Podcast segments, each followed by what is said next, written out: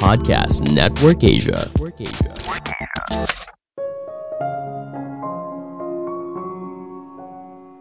Di era sekarang, bisa fokus bekerja menjadi hal yang sangat berharga.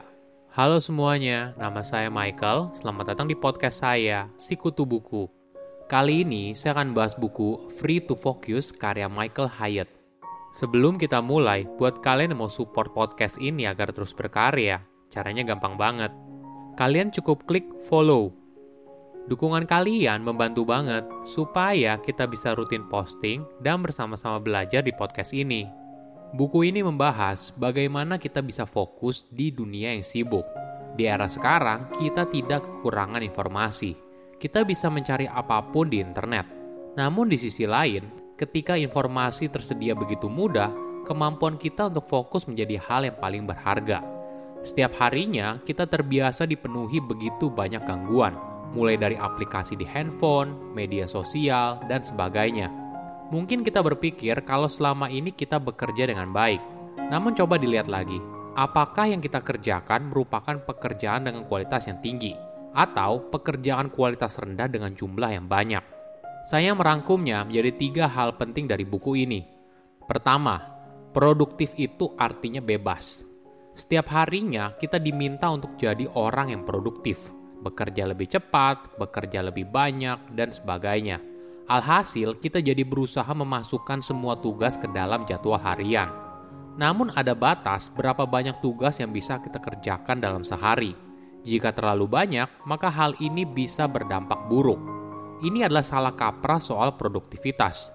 Produktivitas bukan lagi soal melakukan banyak hal, tapi melakukan hal yang benar dengan baik.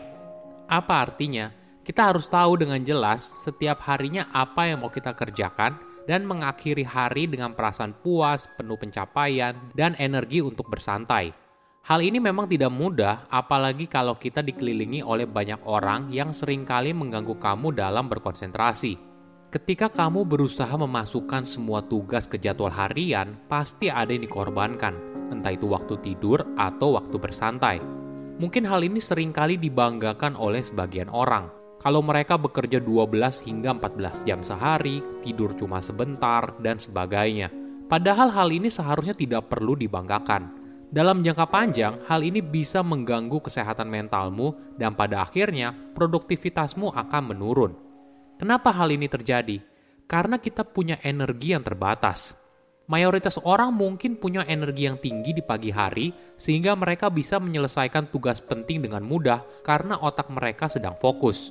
Setelah makan siang, energinya menurun. Begitu juga dengan produktivitas. Ketika kamu tidur atau bersantai, kamu ibaratnya sedang mengisi ulang otak dan tubuh yang lelah. Ini yang kadang disepelekan. Riset membuktikan orang dengan jam tidur yang pendek menghasilkan ide yang lebih sedikit. Bagaimana kalau kita punya perspektif yang berbeda? Daripada fokusnya pada produktivitas, bagaimana bila kita fokus pada kebebasan? Bebas dapat berarti banyak hal Salah satunya bisa kebebasan untuk fokus. Artinya kita punya waktu untuk fokus dan menyelesaikan pekerjaan yang penting tanpa gangguan. Ini merupakan hal yang paling penting dan sangat sulit karena kita tidak terbiasa untuk fokus dalam waktu yang lama. Apabila kita bisa fokus mengerjakan hal yang penting, tentunya kita jadi punya waktu untuk mengerjakan hal lain. Nah, ini adalah poin selanjutnya, kebebasan untuk tidak melakukan apa-apa. Mungkin ini kedengarannya aneh, kan tadi dibilang mau produktif kok tidak melakukan apa-apa? Tapi perlu kamu tahu, banyak ide brilian muncul saat pikiran kita tenang. Produktif bekerja artinya kita bisa menyelesaikan pekerjaan penting tapi punya waktu untuk bersantai.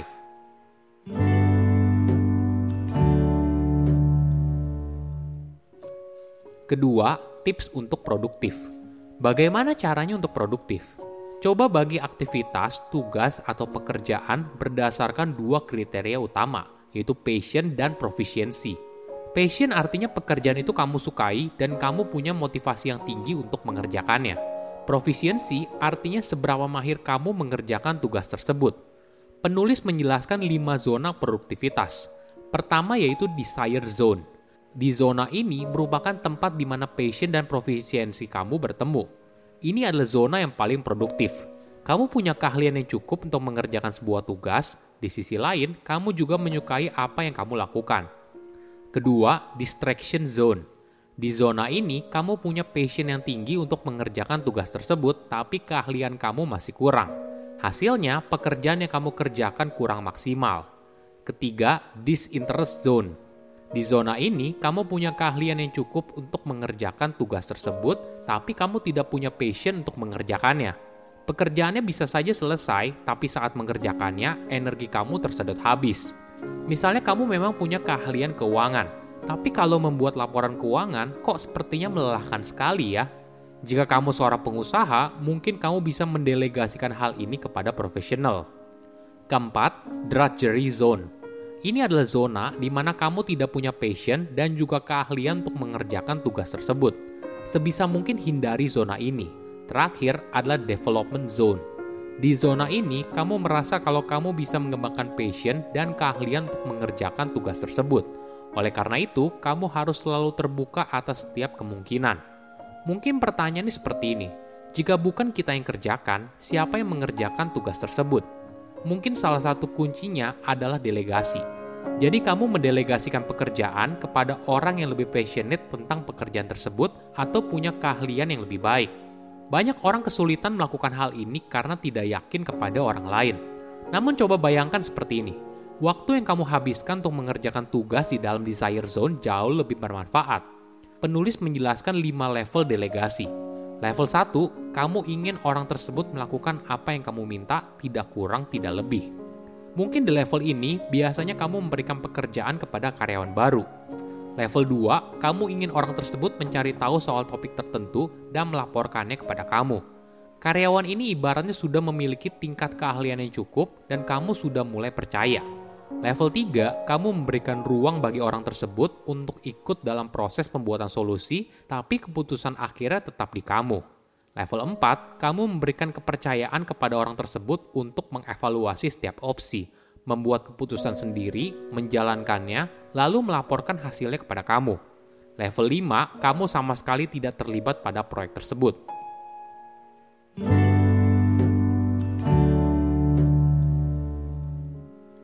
Ketiga, fokus adalah mata uang yang berharga.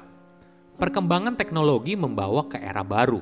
Penulis menyebutnya distraction economy pesan singkat, notifikasi handphone, browsing internet, scroll media sosial, dan sebagainya, ibaratnya telah menjadi bagian yang tidak terpisahkan dalam hidup kita. Mereka saling berebut untuk mengambil perhatian kita, walaupun tentu saja kita mendapatkan banyak manfaat dari teknologi, namun di sisi lain kita jadi lebih mudah untuk menunda pekerjaan.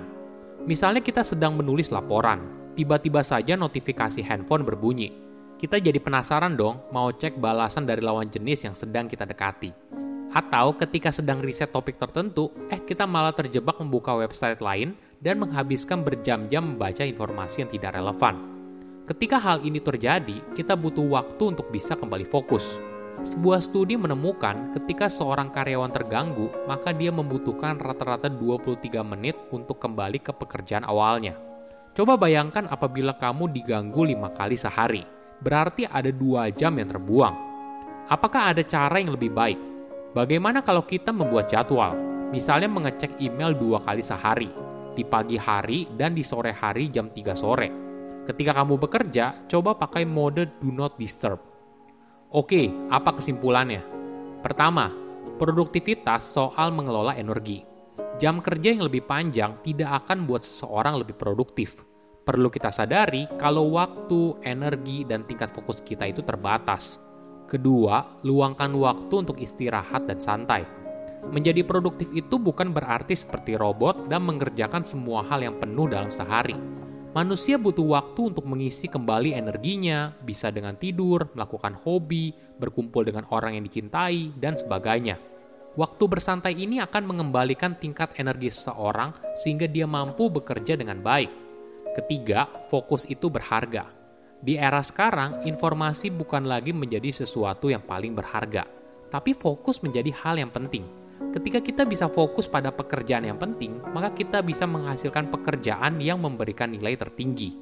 Saya undur diri, jangan lupa follow podcast Sikutu Buku. Bye-bye.